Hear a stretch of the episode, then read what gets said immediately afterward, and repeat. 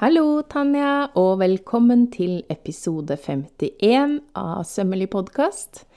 I dag skal vi snakke om grunnform.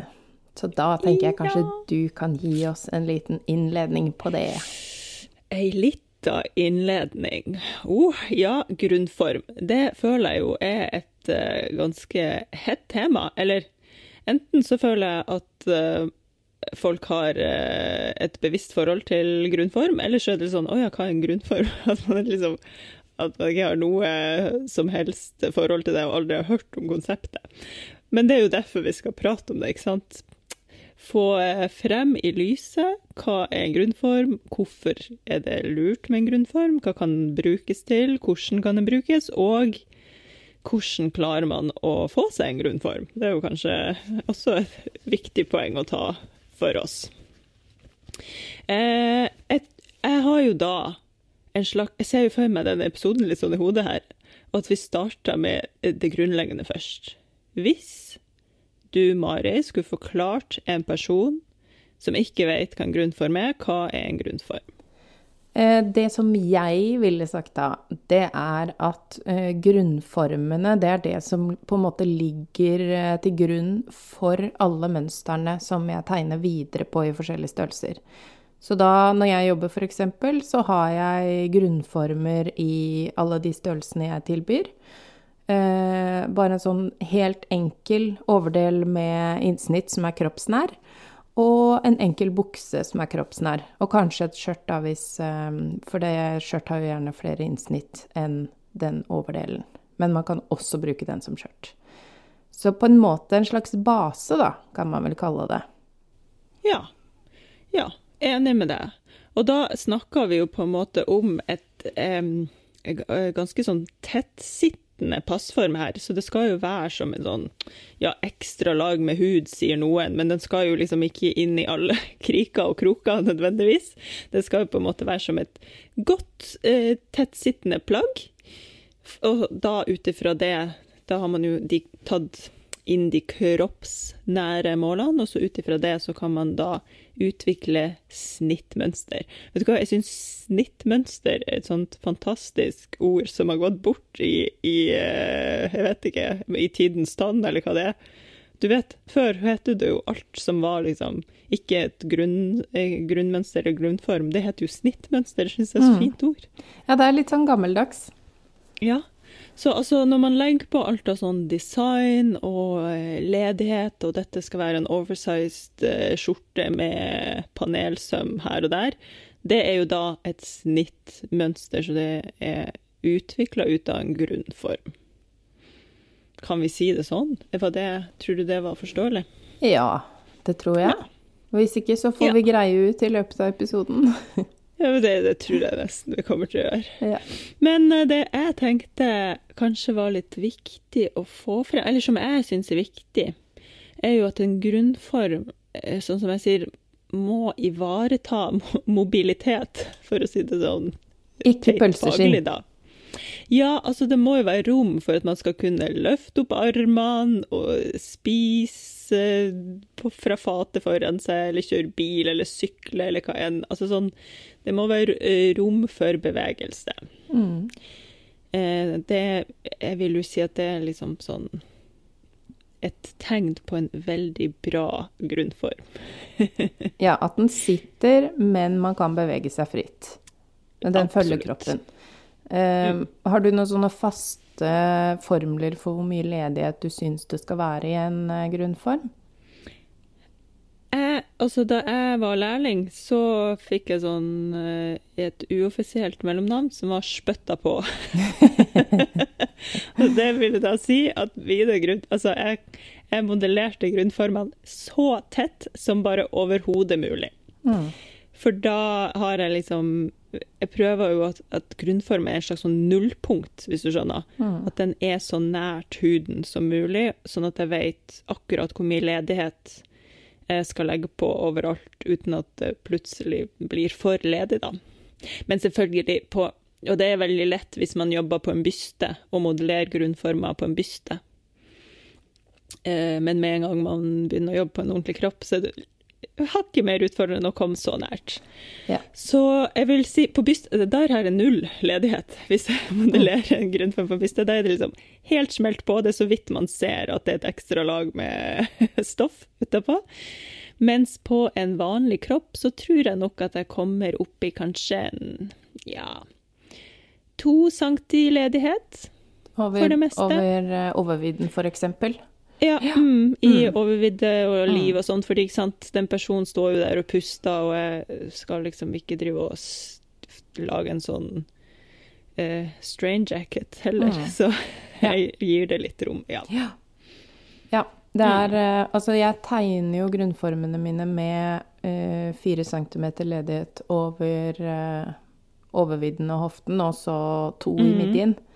Eh, Ja. Noen ganger mer. Det kommer jo an på hva folk vil ha også. Men jeg tenker at akkurat midjen er såpass enkel å ta inn at det, er bedre at de som ikke har Altså, de fleste har jo ikke megasmal midje. Så det Nei. gjør ikke noe om den Mhm. ikke følger helt skjemaet, mener jeg, da. Ja. Eh, pluss at jeg, min midje er jo eh, i hvert fall én størrelse større på kvelden. Jeg vet ikke Ja. hva folk flest pleier, men jeg spiser jo en del ting som jeg sikkert ikke tåler, går jeg ut ifra. Så da vokser man jo Ja, men litt. vi damer er også generelt veldig sånn at vi uh, utvider oss og skrumper sammen veldig mye. Både i løpet av en dag, men også i løpet av liksom måneden og alt etter hvor man er i syklusen og sånn. Så det må man jo ja, ta høyde for. Ja, og det kan man kanskje merke i en eh, grunnform. Eh, det er jo Jeg merker det også i BH-mønster, at jeg må ha to forskjellige BH-mønster mm. for liksom Ja. de to ukene og de to ukene. Eh, Ja, nå er det visst ikke så vanlig at det er så voldsom forskjell, sier folk. Men jeg tror det er vanlig, bare at jeg ikke akkurat de jeg har spurt. Jeg tror det er ganske vanlig. Jeg merka òg det. Mm. Husker, du husker du når vi spilte inn den BH-episoden, og så Ja. snakka jeg om at det var tyt? Sant? Og det var jo da fordi jeg sydde den BH-en akkurat da jeg rett før mensen. Ja. Fordi når jeg tok den på seinere, så var det ikke tyt. Da, da var det greit. Ja, Så det, det, det Ja. det var Yes. nettopp. Så ta høyde Nettopp. for tyt i grunnformen også. Ja. Og kanskje også til de som um, bruker BH aktivt, holdt jeg på å kan Ja. si det sånn. Ja. Ta høyde for det. Ikke, ikke lag en grunnform på en kropp uten BH hvis du har tenkt å gå med BH hele tida, på en måte. Ja, Altså, ja. vesentlig. Og, og Vesentlig. også eh, sånn som eksempel en sports-BH vil jo klemme puppene litt mer sånn sammen på midten, som en, eh, hva skal man si, pose. Sånn pølse i en pose. Eh, no offence. Min, jeg får også pølser i en pose når jeg går med sports-BH, og det da vil på en måte en grunnform bli vanskeligere å prøve inn. Eh, hvis man har på det, og så senere tar på seg en helt annen type BH som deler puppene mer ut, da.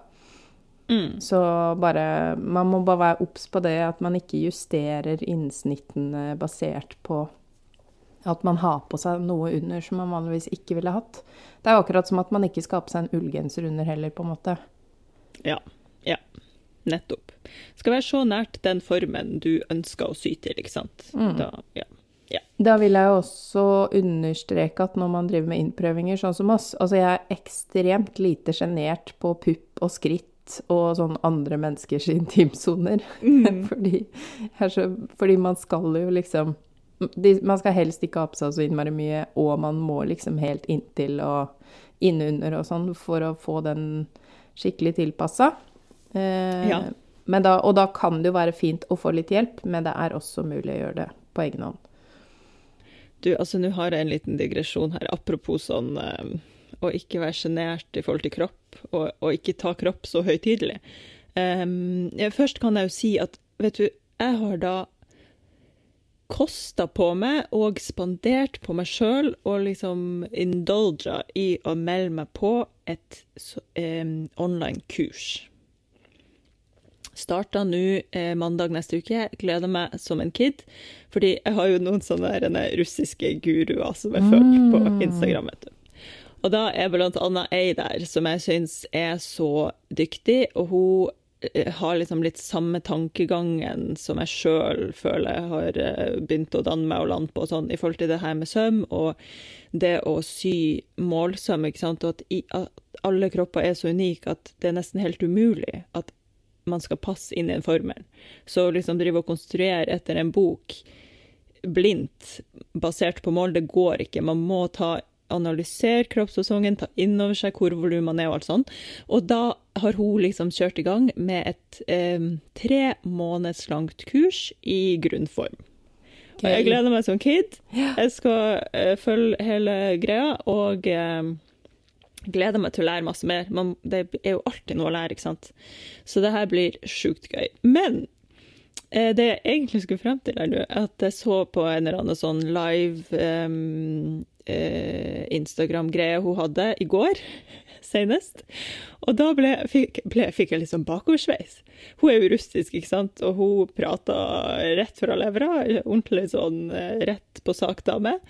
Så når hun liksom skulle beskrive at man har litt love handles og sånn, så var det bare rett på. Ja, hvis de har fettdepoter her og sånn. Og, og liksom bare det ordet fett liksom. Det brukte hun så fritt og freidig uten at det var noe skam eller noen ting lagt inn i det. At det ble helt sånn Herregud, så fantastisk. Mm. Det var liksom, Hun prøvde ikke å krydre det til eller dekke over med at ja, hvis man har litt ekstra her, eller litt sånn ja, ekstra volum, eller ja, jeg, jeg, omtaler jo alt som volum, for jeg syns det er veldig sånn nøytralt og fint ord. Mm. Nei, hun var bare rett på sak. Har de litt ekstra fett her, så er det bare å gjøre sånn sånn. Jeg bare sånn Oi, ja. Spenstig.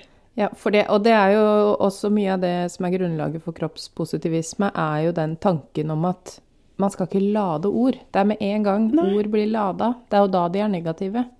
Mm. Eh, fett er fett, liksom.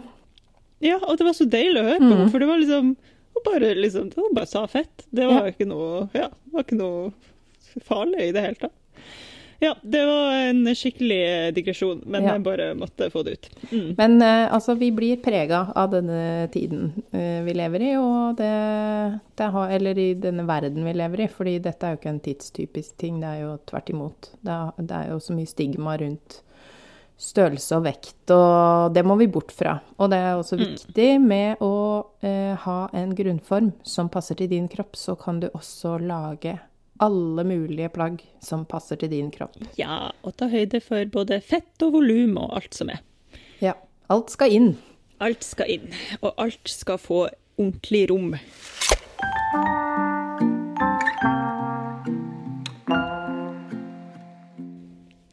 Ja. Men du, OK. Fordi det finnes jo ulike måter, og altså, hvis eh, målet er grunnform, så finnes det jo mange måter å komme til det målet på. Og vi har allerede vi har nevnt det mange ganger før, føler jeg, i tidligere episoder, og vært inne på det nå også. Jeg er jo i den der modelleringsgata, mens du er mer på konstruksjon. Sånn mm. grovt sagt, da, kan vi vel si det. Mm. Ja. Og, og da tenkte jeg bare til de som ikke vet hva modellering egentlig er. Altså eh, at jeg kan si litt sånn fort hvordan jeg går frem hvis jeg skal modellere en grunnform. Mm. Um, da har jeg jo to lerretsbiter, altså uh, stoff, lerretsstoffbiter. Eh, en stoff til et stykke til forstykke, et stykke til bakstykke, og så har jeg gjerne et til til et erme. Hvis jeg skal modellere ermet. Eh, og samme tilsvarende på bukse. Da har jeg liksom ett stoffstykke til forstykke og et bakstykke. Og de har jeg linja opp med um, det jeg kaller for på en måte konstruksjonslinja, men det er vel mer sånn vaterlinja, eller jeg vet ikke helt hva jeg skal kalle de på norsk. Men de som går horisontalt og vertikalt gjennom kroppen og de skal jo da være i vater. Og sant, ligger helt vannrett og helt loddrett på kroppen når grunnformen er modellert på, og det er, altså, det er mine ankepunkt, eller hva jeg skal si. De må være riktig. Og ut ifra de så går jeg løs på enten en byste eller en kropp med nåler, og setter her, de her lerretsbitene sammen og får inn innsnitt, nåler inn innsnitt og nåler inn alle andre sømmer, sidesømmer og skuldersømmer og alt det, ikke sant? Helt til den grunnformen sitt smekk på. Eh, og jobber da på kvart, med kvartparter, altså på halve kroppen. Så fra midt foran og midt bak, og dekk høyre side av kroppen med denne lerreten, helt til det blir en grunnform. Eh, ja, kort forklart modellering. Ja. Og eh, da vil jeg snike inn et par eh, tilleggsting eh, der. Mhm. Eh, og det første er jo hvis man vet at man har en kropp som er forskjellig på høyre og venstre, så kan det være at man vil lage seg eh, et mønster som tar høyde for de Altså enten at man da jobber med hel kropp i stedet for eh, kvartdeler.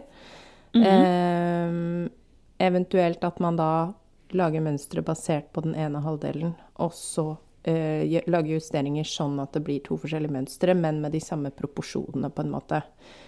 Ja. Um, ja, det vil jeg bare legge til. Og en annen ting, uh, fordi nå skal jo jeg snakke litt mer om konstruksjonsdelen, men uh, jeg vil bare nevne at jeg var jo egentlig også en som sverga til modellering lenge. Uh, sånn at derfor så har jeg jo modellering i bånn, og det vil jo alltid være liksom det jeg har mest Jeg har på en måte en forkjærlighet for modellering, men konstruksjonen er min snarvei fordi erfaringene mine har gjort at jeg er kommet dit at jeg kan konstruere og på en måte se Altså vite at det blir riktig, da. Ja. Og så modellerer jeg jo på kropp etter det. Fordi det å bare konstruere en grunnform, og, og så er den helt perfekt eh, Da skal man ha en god dose flaks og en Ja. veldig god konstruksjonsmetode for akkurat sin kropp. Ehm, sånn at det er liksom litt vesentlig, syns jeg, å notere seg at eh, selv om man konstruerer, så er det ikke garantert at det passer til deg. Eh, og det som jeg etter hvert faktisk har begynt med, er å Jeg har på en måte funnet på min egen konstruksjonsvariant, basert på alle de konstruksjonene som jeg har eh, prøvd opp igjennom. Og så har jeg tenkt sånn Ja, det er gøy med formler, men det er enda morsommere å bare prøve å tenke ut hva trenger denne kroppen? Jo, dette er de fysiske målene. Eh, og så på en måte tester jeg litt ut, da, sånn at det jeg gjør nå, er egentlig ikke mm, tradisjonell konstruksjon etter formler. Eh, men jeg har jo noen tanker om eh, hvilke formler man bør bruke og sånn, da, for at det skal være best mulig. Ja. Eh, For det her er også dette denne her guruen min gjør. Ja. Altså hun em, har jo mange, mange mange års erfaring, og har også bare testa alle mulige konstruksjonsmetoder. liksom Fransk, tysk, italiensk, you name it. mm. Og så har hun bare liksom kokt hele den suppa ned til kjernen og essensen, og laga sin egen metode, da. Ja, kult. Så jeg gleder meg veldig til å se hvordan hun gjør det òg. Det er Ah, så gøy. ja. Fordi det er jo det, ikke sant. At uh, man, åh, man burde lære hos alle. Ja. Fordi så kan man plukke ut det man syns gir mening og liksom passer best sammen. Det er jo da man får liksom enda mer kjøtt på beina til Ja. å kunne, og enda mer redskaper i sekken til å kunne gjøre ting kjøpt og bra, og enten flatt på papir med en gang, eller eh, ja, modellere opp. Og, og ja, jeg som modellerer, etter jeg har modellert, så må jeg jo ta ut mønsteret. Så da blir det jo en slags konstruksjonsprosess også, der jeg må se og måle opp og sjekke alle alle linjene mine og alle sømmene, og at alt stemmer. Og da, når jeg først får det ned på papiret, så kan jeg begynne å liksom flytte på ting og pynte på ting, fordi jeg vet hvordan konstruksjonen egentlig skal se ut. Sånn at, ja. Så jeg kan liksom leke meg på papiret også etter eh, den fysiske modelleringa er ferdig, da. Mm. Og da vil jeg bare Ja. nevne at å ta ut mønster, det betyr at man demonterer det man har prøvd på, og så tegner man det av, sånn at det blir Ja. et mønster. Yes. Ja, så kult. Men kan du fortelle litt om konstruksjonen konstruksjon, eh, sånn som du angrep det? Ja. Altså, jeg har jo den første boka mi jeg skrev, eh, syboka, den fins ikke i butikken lenger. Eh, og det er rett og slett eh, fordi det er faktisk ti år siden den kom ut. Det syns jeg er litt crazy å tenke på, faktisk. Åh, Ja, ikke det sykt? Ja, da var jeg liten. Ung jente. Ung. Um, men eh, i hvert fall så har jeg jo utvikla videre fra den. Uh, for den var jo min tolkning av en metode som um, Den var basert på Aldrich, altså Winifred Aldrich. Har mange bøker om mønsterkonstruksjon som jeg syns de er kjempegode bøker. Men de er skrevet på 80-tallet, så ledighetene er jeg ikke enig i. Men jeg syns Men jeg syns det er en veldig eh, god Altså de bøkene er veldig gode, og en veldig god innføring i mønsterkonstruksjon hvis man kan orke at det er på engelsk. Um, jeg vet også det er mange som sverger til de bøkene av Øberg, men eh, jeg ja, trenger ikke å gå noe inn på det. Jeg bruker ikke de. Mm. Um, I hvert fall uh, Men det som jeg i prinsippet gjør, da, som uh, jeg opplever som mest effektivt, det er å først ta alle breddemålene på kroppen eh, og dele dem på to.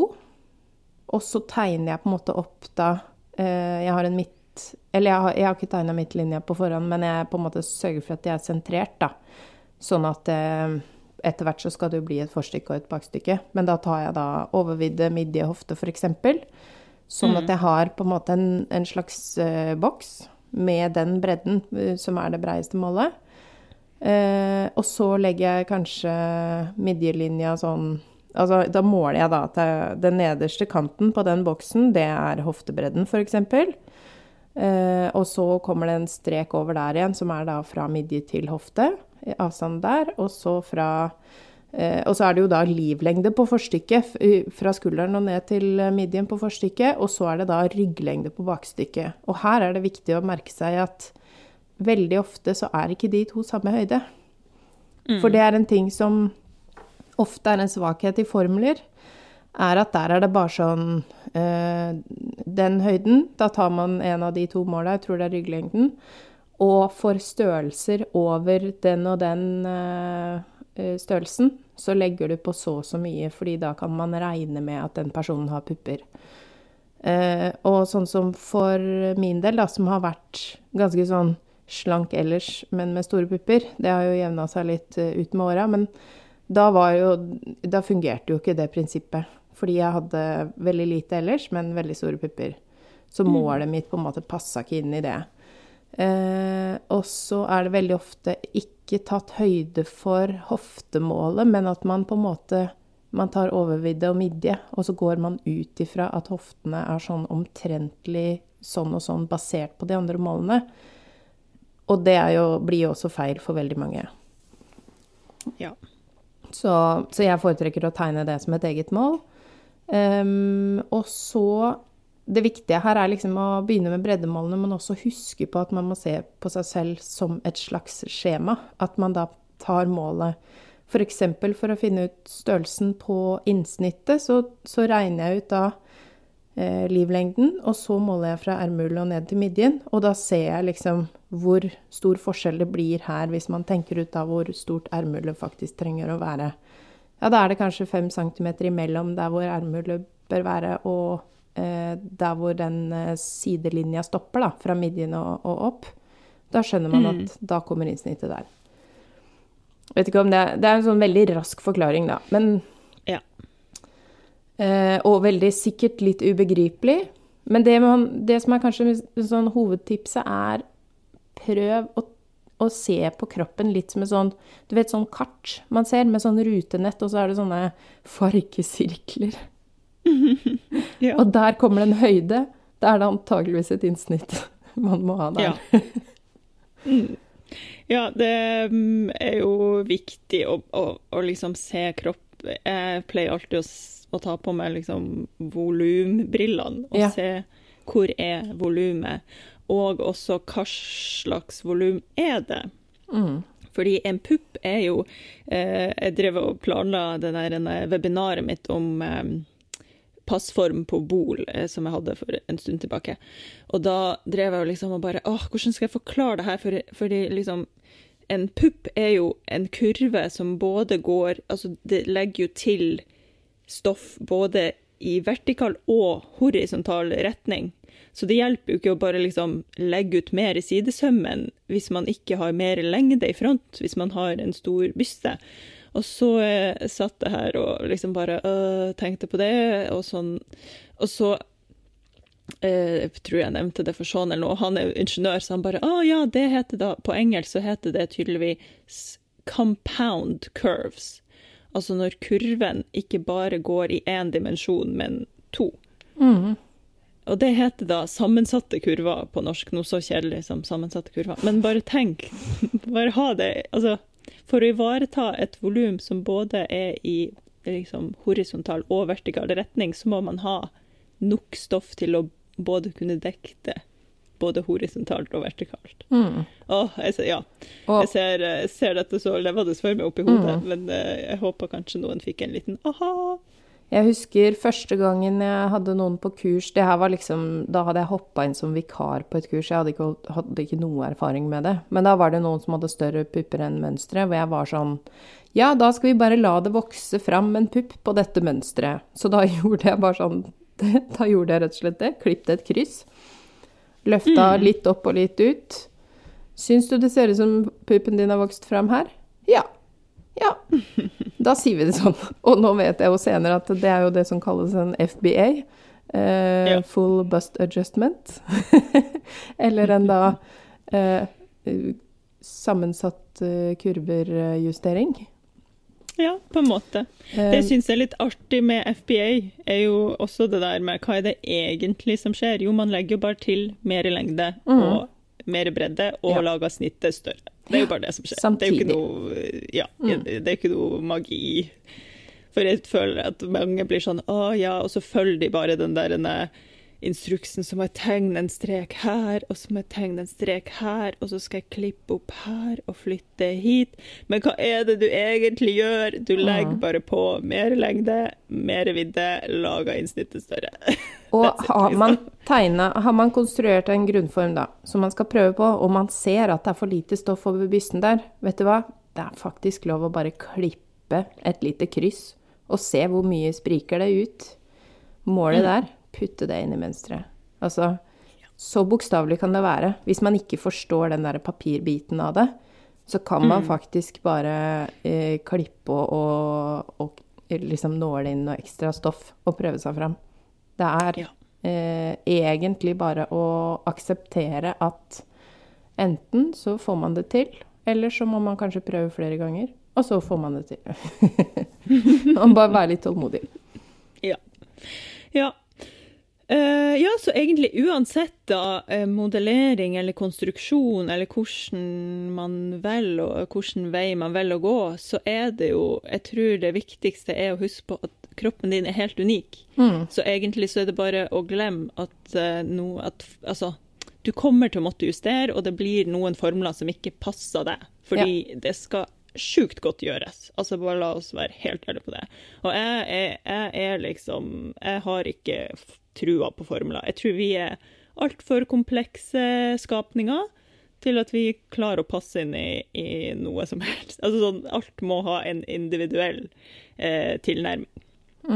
Hver eneste kropp. Så eh, bare ha det i bakhodet, og, og ikke være eh, redd for å gjøre de, altså ta den tida det tar, og få tilpassa ordentlig. Og så er det jo vesentlig å huske på at uh, grunnformene kommer jo med et visst antall innsnitt. Eh, men kanskje har du en rett rygg, eller kanskje har du en eh, mage som, hvor puppene og magen går litt sånn i ett. Eller altså Det er ikke sånn at du må bruke alle innsnittene, og kanskje du trenger å gjøre innsnittene enda større. Det er på en måte alle varianter av tilpasning. Eh, Og da har jeg jo bare lyst til å snike inn en, en liten sånn eh, En liten hemmelighet fra meg. At Ja. jeg snakker om tilpasning i den nye boka mi. Så det kan jo hende man finner svar der. Sånn utpå sommerdelen av året. Eksempel. Det gledes. Det gledes i de tusen hjem, Mari. Ja, dere får bære over med at jeg må snike inn litt informasjon om den boka, for det er alt jeg holder på med for tida. Veldig forståelig at den kommer opp, kan man jo si. Ja. Ok, da eh, vil jeg bare dele en liten eh, gave med våre skytsengler på Patrion. Og eh, i forbindelse med denne episoden her, så legger jeg altså ut eh, en grunnformoverdel med ermer eh, i størrelse 32 til 62, hvis man har lyst til å prøve seg på en sånn ferdig grunnform som man kan tilpasse til seg selv. Det er jo sjukt sjenerøst. Det er fantastisk. For jeg tenker at å bare ha en eller annen sånn base å gå ut fra, det er jo eh, gull verdt. Vi skal jo snakke litt mer og prøve å dele noen tips for hvordan man kan gå løs på å få seg en ordentlig grunnform hvis man skal prøve seg på det hjemme. Det fins altså, jo mange regler der ute, det vet vi jo. Alle regler er jo til for å brytes og alt det der. Eh, men Mari, hva slags Fordi jeg har jo en type grunnform jeg foretrekker som base. Og da mener jeg sånn hvor innsnittene ligger, hvis du skjønner. Så den jeg liker å jobbe med best, er den som har det der store innsnittet opp i skulderen, som ivaretar bysten eh, der oppe. Og så har det et lite skuldersnitt eh, bak, som liksom ivaretar eh, skulderbladene og det volumet der. Og så er det jo sånne hva skal, hva skal, jeg kalle de, panelsømsnitt, eller sånne innsnitt midt i eh, halvparten. Herregud, det var dårlig. Ja, det som jeg kaller stående innsnitt ja, foran. Ja, ikke sant. Ja. ja. De som ender i spiss både øverst og nederst, og går liksom gjennom livet for å få innsvingt passform i bolen, både foran og bak. Mm. Det er liksom Det er min base, for den syns jeg er enklest å bruke når jeg skal lage panelsømmer og bla, bla, bla, bla, bla, og flytte inn snittet ned til et sånt bystesnitt som går inn i sidesømmen, er ikke noe stress, osv., osv. Mm. Hvordan ser dine grunnformer ut? Du, jeg har øh, faktisk ikke helt samme. Jeg det tror jeg nok handler om eh, mitt liv som eh, puppedame. At jeg mm. liker ikke så godt det innsnittet som går fra skuldrene og ned. Eh, for jeg vil helst ikke ha så mye liksom oppå puppene. um, så jeg foretrekker det liggende innsnittet. Så mm. jeg, før så hadde jeg det Altså, det er jo det man gjerne konstruerer, er jo det der som går hele veien ned. Og det er også det man lærer å modellere, eller i hvert fall det jeg lærte å modellere. Og sikkert du òg. Ja. Som, jeg har bruka det Jeg tror aldri jeg har sydd et plagg som har et sånt innsnitt, mm. men som en grunnform så foretrekker jeg den. Ja, ja jeg syns egentlig det er like greit å flytte innsnitt eh, fra under eh, armen hvis man vil ha det der. Men, eh, men, det er jo sånn smakssak. Men det, de grunnformene som jeg nå eh, kommer til å gi til de skytsenglene våre, da, det har innsnitt under armen. Mm. Også ellers de stående og, og sånn, da. Men, ja. um, men jeg bruker gjerne en egen til uh, panelsømmer. At jeg har liksom panelsømgrunnform med mykere linjer. Og, så, ja. og med panelsømmer så mener vi da søm som går fra skulderen via puppen og hele veien ned. Eller fra ermhullet via puppen ja, og hele veien ned. Mm. Eller fra ermhullet. Det er for meg eh, nå, Jeg føler jeg er veldig synsete i dag, men jeg liker ikke den ja. prinsessesømmen. Nei, ikke sant? Jeg har aldri gjort Nei. Nei. Hver sin smak. Helt lov. Det er jo en klassiker, så det er jo helt eh, Det er veldig barnslig av meg å ikke like den, men bare Den den gir meg ingenting. Nei. Nei. Helt, helt innafor det. Ja. Um, hva var det jeg skulle si? Jo, og akkurat det der om man har innsnittet her eller der, altså det er jo eh, eh, det finnes jo skoler her, selvfølgelig, og, eh, og liksom én skole sier at dette er riktig, og bla, bla, bla, men til syvende og sist så handler det jo om smakssak. Ja. Og hva man føler enklest å jobbe ut ifra.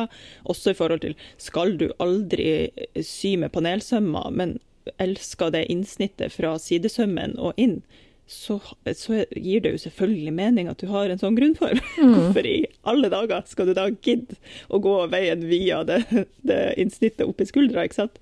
Men uh, ja. Men jeg er liksom vant til det snittet opp i skuldra, fordi jeg syns det er superenkelt å ut ifra det å få til alle andre mulige snitt uh, og fasonger på klærne, så da, da gjør jeg bare det. Ja. Og så kan man jo vel helt sjøl. Ja. Det som er så deilig med å sy sjøl. Det er det som er så deilig. Eh, og det Jeg syns jo alle typer har Det er jo fordeler og ulemper med alle varianter, men jeg føler litt at det der fra skulderen og ned, eh, det er liksom fra en annen tid. Skjønner du hva jeg mener? Ja, jeg skjønner. Mm. Så, Det liker jeg veldig godt. ja. Da jeg var mer sånn eh, Jeg hadde jo mer sånn 40-50-tallsstil før. Da jeg skrev mm. syboka og sånn, var jeg veldig på sånn den typen stil. Og da likte jeg godt det innsnittet. Men jeg, jeg vet ikke, jeg tror jeg bare ble litt sånn ferdig med det. Men eh, Ja. der må dere kjenne sjøl, folkens, hva dere foretrekker. Mm. Yes, og prøv. Altså, prøv begge deler og se. Det er jo da sånn man finner ut av nei, det her er ikke noe for meg. Mm. Så videre. Akkurat som med modellering og med tegning. Ja. Eh, men du, skal vi snakke litt om balanse, eller hva, man, hva betyr det, liksom? Jeg tenker det er mange som ikke helt skjønner eh, For vi kommer til å snakke eh, om ordet balanse innimellom her. Kanskje greit å avklare sånn, hva er det egentlig? La oss gjøre det. La oss gjøre det. Det er et godt poeng. Jeg tror eh, vi som syr profesjonelt eh, har liksom det ordet i vårt vokabular og bruker det aktivt, mens jeg tror de fleste hjemmesyere kanskje ikke skjønner eller vet hva, er hva mener man egentlig når man sier balanse i et plagg. Så du, vær så god, Mari, kort og konsist om balanse. Ja, altså en slags forklaring sett fra mitt ståsted, da, så må du legge til hvis du kommer på noe ekstra. Eh, det man eh, Altså da skal jeg helt tilbake til trådretning. Vi har jo snakka en hel episode om trådretning før, så jeg vil anbefale å høre den i forbindelse med det her, egentlig. Ehm, det man kan se for seg, er jo at et plagg ideelt sett skal se ut som det henger nedover. Eh, og når f.eks. et erme, hvis et erme ser ut til å henge nedover, at ikke det er noen sånne drag, altså sånne folder eh, mot den ene siden eller mot den andre siden, eller at plagget på en måte ser ut til at det tipper i en retning. Eh, det er det på en måte som er definisjonen av balanse, at plagget skal se ut som at det henger rett ned, ikke tippet i noen sider. Ja, helt enig med deg. Eh, Det er jo derfor jeg har disse her linjene som jeg har preka litt om, de vannrette og loddrette, for da er det så lett å se. Ligg alle de vannrette linjene helt vannrett i forhold til gulvet. Heng alle de loddrette linjene rett ned. Fordi plagget, altså forstykket og bakstykket gjennom skulder, skal liksom henge rett på det. Og da skal man jo ha ivaretatt alle volumene foran og bak og på sida, sånn at alt bare henger og er riktig. Sidesømmen er en fantastisk eh, indikator på om balansen er av. Den skal henge rett ned på sida av kroppen. Hvis den bikker forover, så drar forstykket mest sannsynlig hele plagget fremover, fordi volumet foran ikke er ivaretatt. Ikke sant? Blir den dratt bakover, så er det det motsatte som skjer. Og alt dette her kulminerer Altså, det skal jo henge fra skulder, så skuldersømmen må være på toppen av skuldra og ligge og dele kroppen i to der oppe. Eh, ja. Og så liksom henger forstykket og bakstykket helt perfekt nedover.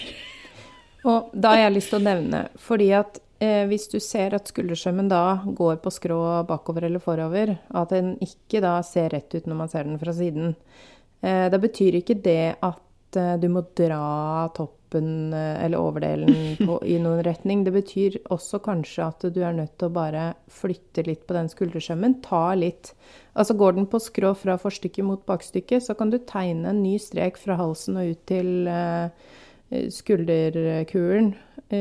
Og så ser du at å ja, men da må jeg ta en liten trekant fra forstykket og putte over på bakstykket, og så blir den midtstilt. For eksempel.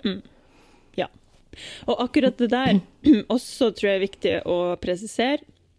Altså, det handler jo ikke om nødvendigvis Hvis man ser for seg en kropp fra sida, eh, og så går det en sidesøm på den kroppen Det handler ikke om at man nødvendigvis må dele kroppen på midten. Altså, man kan jo velge å flytte sidesømmen litt lenger frem hvis man har mye volum foran og vil liksom balansere ut kroppen så det ser ut som det er litt mindre foran, så er det jo helt lov å på en måte sånn visuelt flytte litt på den eh, sidesømmen og lage en optisk illusjon på det. Og samme ikke sant, med skuldersømmen. Har man en veldig eh, rund rygg og at man litt sånn luter forover, så kan man liksom flytte den skulderskjermen bitte litt mer bak for å gi liksom en illusjon av å ha et litt mer åpent skulderparti, osv. osv. Alt det her, det er jo det er jo magien av å sy sjøl. Vi kan begynne å leke med sånne optiske illusjoner det hvor vi plasserer sømmene. Men at sømmen må være helt loddrett og ikke bikk og ha en vinkel på seg, det er det som er balansen. Mm. Um, ja.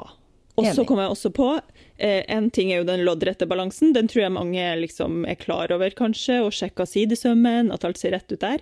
Men det fins jo også en horisontal balanse.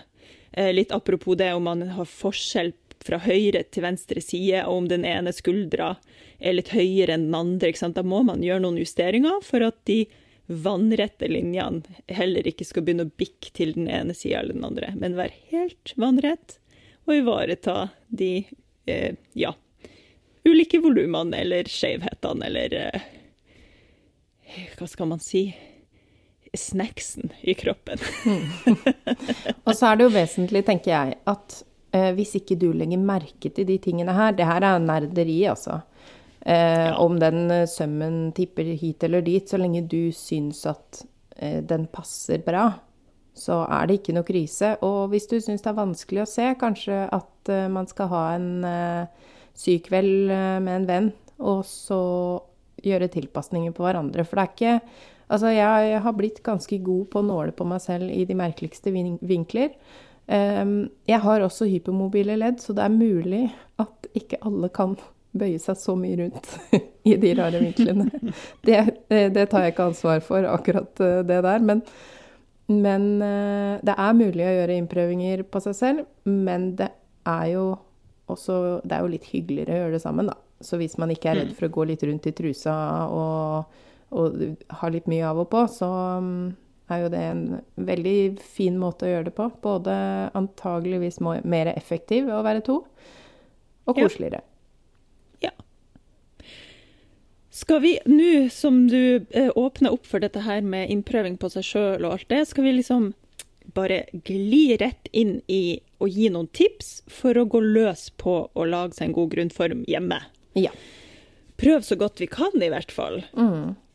Ja, for det, det, er jo ingen hemmelighet. Alle som har sydd til seg sjøl, vet at det er en pest og en plage noen ganger å prøve inn på seg sjøl. Spesielt hvis man må gjøre noen rettelser bak på ryggen, og det er jo bare Ja, kan, man kan jo bli litt svett. Um, så jeg tror eh, det første tipset jeg kommer på sånn uh, off the top of my head, er på en måte ha en god Prøve å ha en så god base som mulig. Har du sydd etter et mønster som du syns sitter veldig bra, så kan du faktisk liksom bruke det og bare skrelle av alt av sånn designting eh, og bare gjøre det om til et grunnmønster. Kanskje fjerne litt ledighet eller eh, ja, hvis den har en krage, bort med den kragen, og så blir det bare en rund hals som på en grunnform, osv., og så videre. Og så liksom skreller du den helt ned til bare et sånn grunnmønster som du kan bruke videre. Godt tips. Og så alle skytsenglene der ute er jo superheldige nå, for Maris sin base, så de kan starte med den og så tilpasse ut ifra den. Liksom. Det er jo også helt genialt. Å bare ha et sånt Ja, bare et eller annet å ta utgangspunkt i, tror jeg er lurt. Så man slipper å stå med to lerretsbiter på seg sjøl og drive og modellere. Det har jeg aldri prøvd å modellere på meg sjøl. Tror ikke jeg anbefaler det. er jo litt tungvint. Ja, det ja. høres litt uh, tungvint ut. Ja. Uh, ja. Det var liksom mitt sånn første stalltips, egentlig. Ja, jeg legger jo merke til her i eh, notatene dine at du har skrevet 'ha åpningen midt foran i stedet for midt bak'. Mm. For enklere innprøving. Eh, men da har jeg lyst til å si 'ha åpning i siden'. Fordi for meg som jeg, jeg, må alltid gjøre en justering midt foran eh, pga. forskjellen mellom pupper og akkurat i halsåpningen, altså brystkassa. Mm. Jeg får alltid en sånn gapende halsringing eh, ja. som må tas inn. Og da Min erfaring er at det er liksom vanskeligere når den eh, Hvis den er mot bredt, så er det mye lettere på en måte å se hva som er for mye. Um, Det er selvfølgelig mer knotete å ta den på seg når man har en åpning i siden, men jeg syns det funker fint å nåle der, da. Men det er sikkert også sånn hvordan man når til. Ja, ikke sant. Du liker å ha den uh, åpninga i sida. Interessant. Eh, jeg er jo um, Altså, når jeg prøver inn på kunder, så har jeg selvfølgelig åpninga midt bak, for da står jeg bak kunden og jobber, og det syns jeg er det beste. Og så kan jeg også veldig koronavennlig, bare velstand står bak der og mind my own business. Eh, for jeg syns jo det er veldig Og da, det jeg alltid gjør, er jo på en måte at jeg tråkler Eller hvis man jobber med en grunnform, så tegner man jo bare inn linja midt bak, og så får de til å stemme over eh, med hverandre. Og så ser man jo fort Oi, her gaper det, liksom. Her må jeg flytte nåla. Og så får man overført den rettelsen. Og jeg opplever egentlig eh, personlig så tror jeg nok at jeg ville hatt åpninga midt foran, ja. For da igjen så har jeg jo tegna opp de linjene midt foran, eh, foran, og så liksom nåler jeg sammen sånn at sømrommet står ut. Og da, Jeg skjønner at man, det kanskje kan være litt sånn forvirrende eh, hvis man har en del rettelser der, om man klarer å se dem når man har sømrommet stående ut sånn. Eh, men jeg tror nok at jeg hadde gjort det sånn, altså. Men der igjen vel det som kjennes digg ut for mm. dere. Det er nok en mm. smakssak, og det kommer nok også litt an på hvor man på en måte har mest greier. Og jeg for min del har jo alltid hatt masse greier jeg må fikse rundt puppeområdet, og derfor så har jeg liksom ikke villet ha noe forstyrrende elementer der. Men hvis eh, problem Eller nå, problemet er et ord vi unngår. Eh, hvis justeringene man eh, kanskje må ty til, er i sidene, så kan det jo være dumt å nåle der. Ja. ja. Så alt til sin tid. Yes. Ja, mitt neste sånn um, tips, eller kanskje en um, en uh, uh, oh, jeg kommer ikke på det norske ordet her. En sånn disclaimer kan jo være at bare vær forberedt på at dette her er en prosess, altså. Å få en, en, grunnform som passer godt når du ikke har en hjelpende hånd og du skal gjøre alt sjøl. Det er en eh, pilegrimsreise fra liksom sybordet og konstruksjon og tegning og fiksing og ordning til symaskin, til innprøving, tilbake til symaskin, tilbake til innprøving, sprette kniv, linjal, tegn, kast hele greia, begynn på nytt. Altså, ikke sant? Ikke bli motløs. Eh, og ha et speil. Speil er viktig. Naturligvis. Ja. Speil er veldig viktig, men også kanskje et sånt speil Ha et lite speil et sted, sånn at du kan se deg sjøl bak uten å måtte snu deg for mye. Så du står rett opp og ned og kan liksom se speilbildet ditt gjennom et annet speil bak. Veldig lurt. Mm. Eh, og når du gjør det på deg sjøl, så må du regne med at du må sy ting sammen, spesielt med liksom, f.eks. med ermet. Du må bare sy det ermet inn, og så se. Noter deg justeringene, spesielt hvis de er bak. Så har du kanskje ikke mulighet til å nåle så mye. Du må bare tenke OK, der må jeg ta inn litt der og der, eller fordele den håndlinga litt annerledes. Spret ut, syn igjen, prøv igjen, se, analyser. Spredt ut, syn igjen, ta den på, se, analyser. Altså, jeg, jeg, føler det er veien. Jeg vet ikke om jeg har noe bedre tips enn det. Et tips lange sting på maskina. Ja, tråkle. Ja, ja, ja. ja. Bra, Mari. Bra. Det, er, eh, det er, vesentlig. Og jeg vil også bare si, sånn for at ikke folk skal tenke at eh, de blir motløse når de har laget en test eller to. Eh, da jeg For jeg har jo nå jobba veldig mye med tilpasning til boka mi, og den første buksetilpasningen jeg gikk for, tror jeg kanskje at variant nummer seks var min favoritt. Ikke sant? Eh, mm. Og da er det jo Da har nok jeg eh, flisespikka litt ekstra fordi jeg måtte skrive om alle disse tilpasningene, så jeg ville gjerne liksom vite sånn OK, men hva hvis jeg gjør sånn? Men hva hvis jeg gjør sånn? Sånn at da jeg eh, jeg endte med å bruke en annen grunnform fordi jeg var ikke egentlig helt fornøyd med den første buksegrunnformen.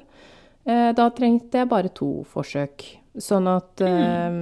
Det er jo noe med erfaring også, men eh, bare vær obs på at kanskje man må ha to-tre varianter før man er 100% fornøyd. Og det som er fint å vite da, er at da har du det mønsteret, liksom. til alt. Ja. Og det mønsteret kan du også bruke selv om du legger på deg ti kilo, fordi du legger jo ikke på deg på selve skjelettet, liksom. Det er bare å legge til litt ekstra her og der. Eh, jeg har brukt samme grunnform selv når jeg har vært gravid og gått opp 20 kilo. Bare laget litt gravidtillegg. Mm. Så det er, eh, det er, fint å, å huske på da, at den grunnjobben man gjør, den, den, varer lenge hvis den er veldig god. Ja. Yes, yes, yes. For bare tenk, egentlig det, det Det viktigste eller nei, det er ikke det viktigste. Men litt apropos det der å legge på seg og legge av seg. Vi legger jo f.eks. ikke på oss over skuldrene. Altså, eller da skal man ganske godt opp i størrelse før det blir noe forskjell der. Da er det kanskje litt muskler inne i bildet, tenker jeg. Sånn at hvis ja. du ja, plutselig trener veldig mye, så ikke ring oss og, og vær irritert. ja, men ikke sant, har du noe som passer godt akkurat over skulderpartiet og øverst på bysten og liksom ivaretar skulderblader og alt det baki der, da, da, er du allerede sett. Og så alt av ekstra fett som kommer eh, eller forsvinner videre nedover, det får man justert med litt sånn litt eh, FBA, eller hva man vil kalle det her, og litt ekstra i sidesømmene der, og så videre og så videre. Ja. ja. Man kommer langt med de eh, sidesømmene, altså. Ja. OK, Mari. Skal vi eh, runde av dette her med, med, vår ukentlige spalte? Jeg føler mm. ikke mm. vi har spurt hverandre på så lenge, for vi har hatt så mye intervjuer og sånn. Ja. Men altså, vil du dele en feil, en grunnformfeil, med ja. oss? Der har jeg opptil flere, og da eh, Nå tenker jeg jeg skal gå litt generelt til verks. Feil som man kanskje kan støte på. Mm. Som jeg så klart har gjort 100 ganger. Eh, nummer én eh, nålefast eh, i klærne under. Klassiker. Prøv å ha en hånd under, sånn at ikke du nåler Altså, man kan ha nåla ting helt perfekt, og så sitter det fast. Ja. Eh, så det er eh, nummer én. Eh, nummer to fått uh, grunnformen så spytta på at det ikke går an å bevege seg. eh, også en klassiker. Yes. Det er vel eh, liksom de generelle, men jeg kan også bare skyte inn da at jeg en gang lagde en kjole med sånn Den hadde panelsømmer, sånn at uh, overdelen på en måte var litt sånn Man kan kalle det korsettliv, men det var ikke et korsett, men du vet sånn kjoleliv som, som er trangt, og så litt sånn stroppe mm. Eh, stroppaktig med panelsømmer. Eh, jeg skulle prøve meg på å lage en kjole som jeg ikke trengte å ha bh under. Det er sånn story of my life. Aldri fått til. Um, og da Og jeg stramma og stramma, og den, den satt så nydelig, den overdelen. Men det gjorde så vondt å sitte. For Åh. den var jo så stram under uh, Altså i hele livet, da. Under bysten, liksom. ja. Mm. Så det var en helt nydelig ståkjole. Det var vel kanskje den største, største, feilen i denne sammenhengen. En annen ting, da. Ja. Jeg bare må skyte Nei, det kan jeg kanskje Nei, det er ikke innspo. Unnskyld uh, rotet her nå, men jeg kom på en ting vi burde nevnt i episoden, og det er når man har nåla og sånn, eh, så bør man tegne der hvor nålene har vært. Eh, på begge sider av på en måte stoffbretten. Ja. Fordi det er også en typisk feil. Eh, at man da tar ut alle nålene, og så har man glemt å markere. Å oh, nei! Ja, nei, ikke gjør det. Ja, ja, ja. Ta ut mønsteret. Nålene er jo sømmene deres, så, ja. så, få de inn. Ja, ja. Bruk og, noe du vet at tegner godt, liksom, så du får en presis strek. Jeg pleier å tegne én strek på begge sider, og så når jeg tar ut nålene, blir det en sånn fin stipla linje, for da kommer streken imellom der hvor nålene satt. Ja. Mm, så jeg gjør òg det. Snik. Jeg driver jo da og sniker meg liksom inn med min 0,3 blypenn. ja. Det, ja. Der er, så nøye er ikke jeg. Nei, ikke sant. Nei. Ja, det er litt, ja, litt OCD som kommer inn. Men eh, apropos det med å tegne, altså når man skal ta ut mønsteret og tegne der nålene står og sånn, få også inn litt tverrmerker. Og det jeg mener med det, er jo sånne merker som liksom de som man skal passe over med hverandre. At ja. man har to sånne streker som skal passe perfekt sammen. Ja. Ikke kims av de, fordi det er fort gjort gjort at når man liksom har uh, fått alt fra hverandre og så skal sy det sammen, så skjønner man ikke hvorfor det ikke passer. Og hvis man har litt sånne tverrmerker, så har man i hvert fall litt flere ankepunkt å gå etter og skjønne hva, hvorfor mm. er det ja, differanse her. Greit å få puppen eh, på puppen, eh, liksom, og ikke puppen på magen på den ene siden og, og Og så videre og så videre. Ja, jeg kaller det stemhakk. Eh, det er litt Stemhakk, mange, eller folk kaller det jo forskjellige ting, men, men det, det, det betyr er jo bare en sånn strek på tvers. Ja, ja, som skal passe over med tilsvarende strek på den andre sida. Ja. Mm. Eller den andre mønsterdelen. Ja. Eh, ja. Det var jo mange søte, fine feil der, det må jeg innrømme. Har du noe? Um, ja, ja, ja. Altså, hva, hvor, hva, skal man ta? Hvor skal man begynne? Jeg kan jo um, Jeg kan jo ta en um, liten erkefeil, holdt jeg på å si hos meg. Eh, fordi ja, for å ta det litt sånn kjapt Altså, jeg har jo en grunnform, og så ut ifra den så eh, konstruere eller klippe eh, selve mønsteret. Og denne feilen er fra den tid for et år siden da jeg sydde svenneprøven min, faktisk.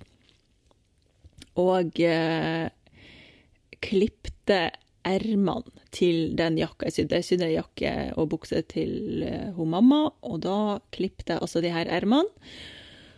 Og så er det jo litt sånn fort gjort at man uh, At det går litt sånn fort og gærlig, og så føler man at man har tatt høyde for alt, og så har man egentlig kanskje ikke det.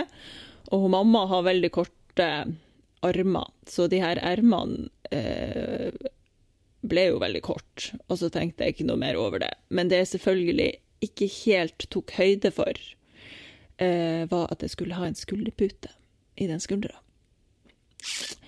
Som da, ikke sant, jo heisa ermet litt opp.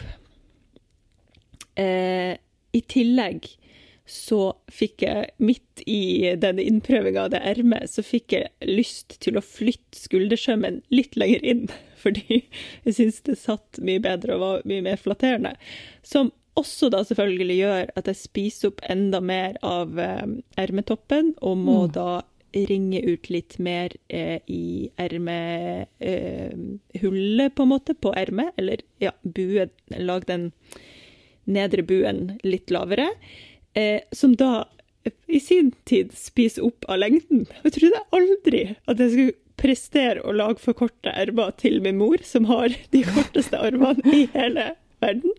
Men jo, altså, det var på, unnskyld uttrykket, fetthåret at jeg hadde nok eh, lengde på det. Jeg hadde ikke mer stoff, for jeg kjøpte sånn akkurat nok stoff. ikke sant?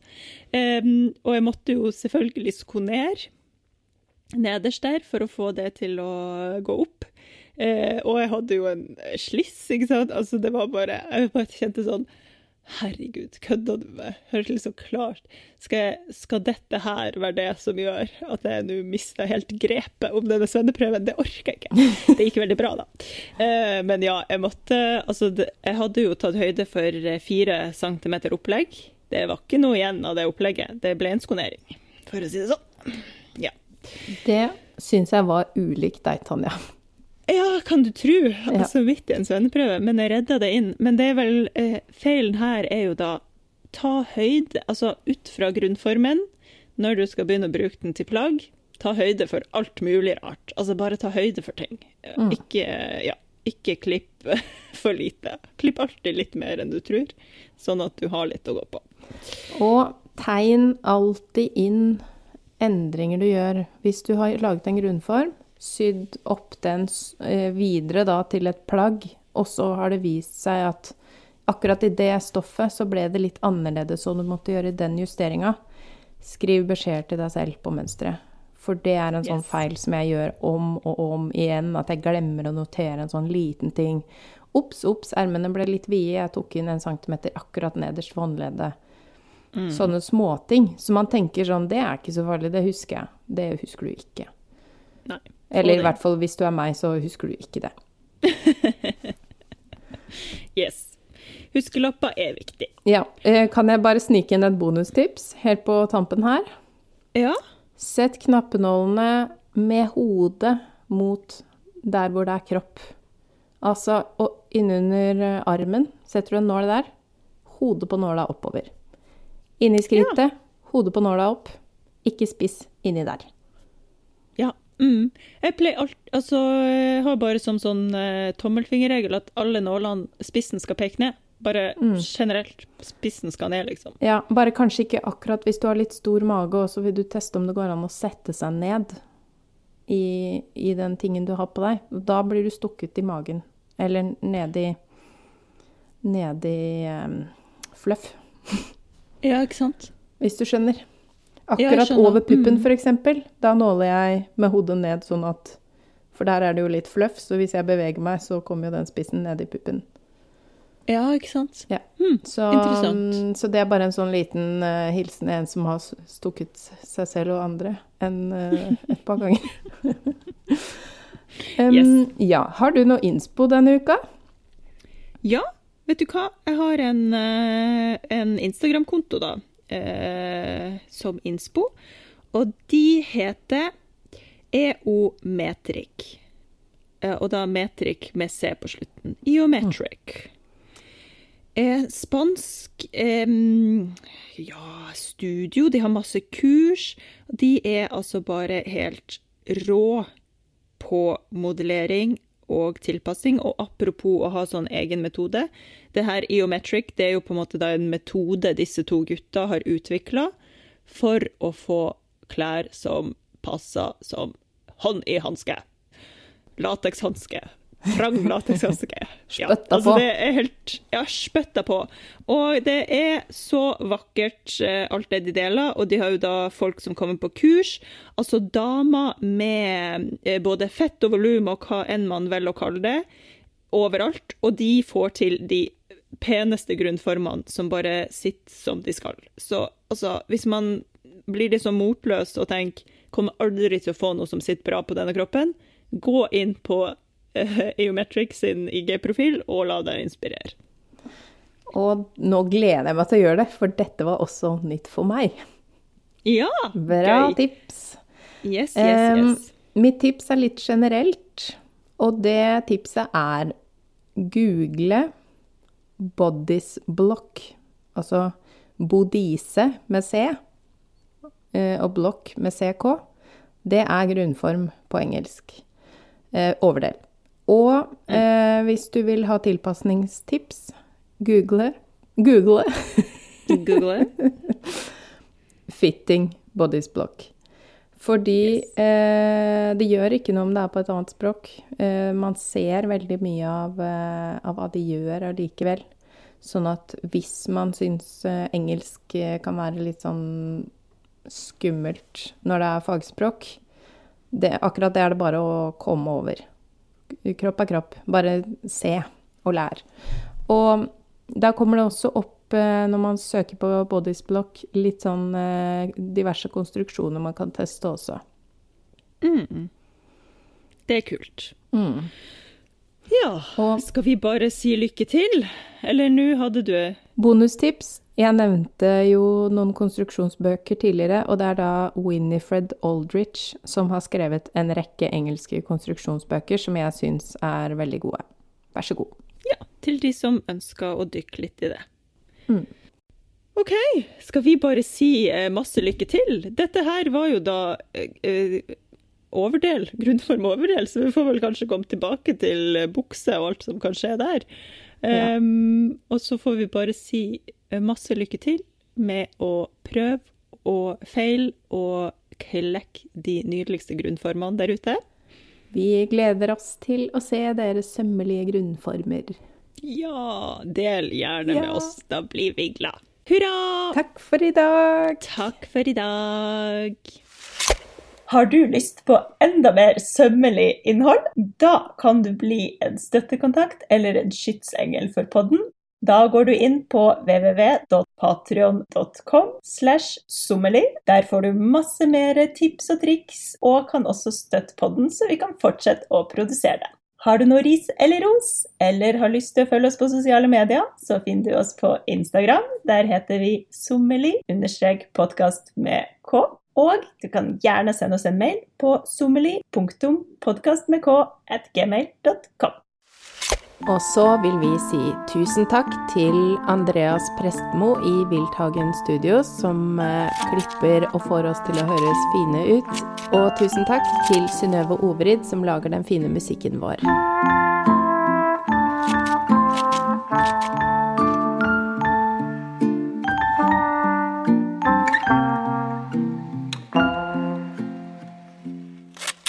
www.patreon.com slash sommelier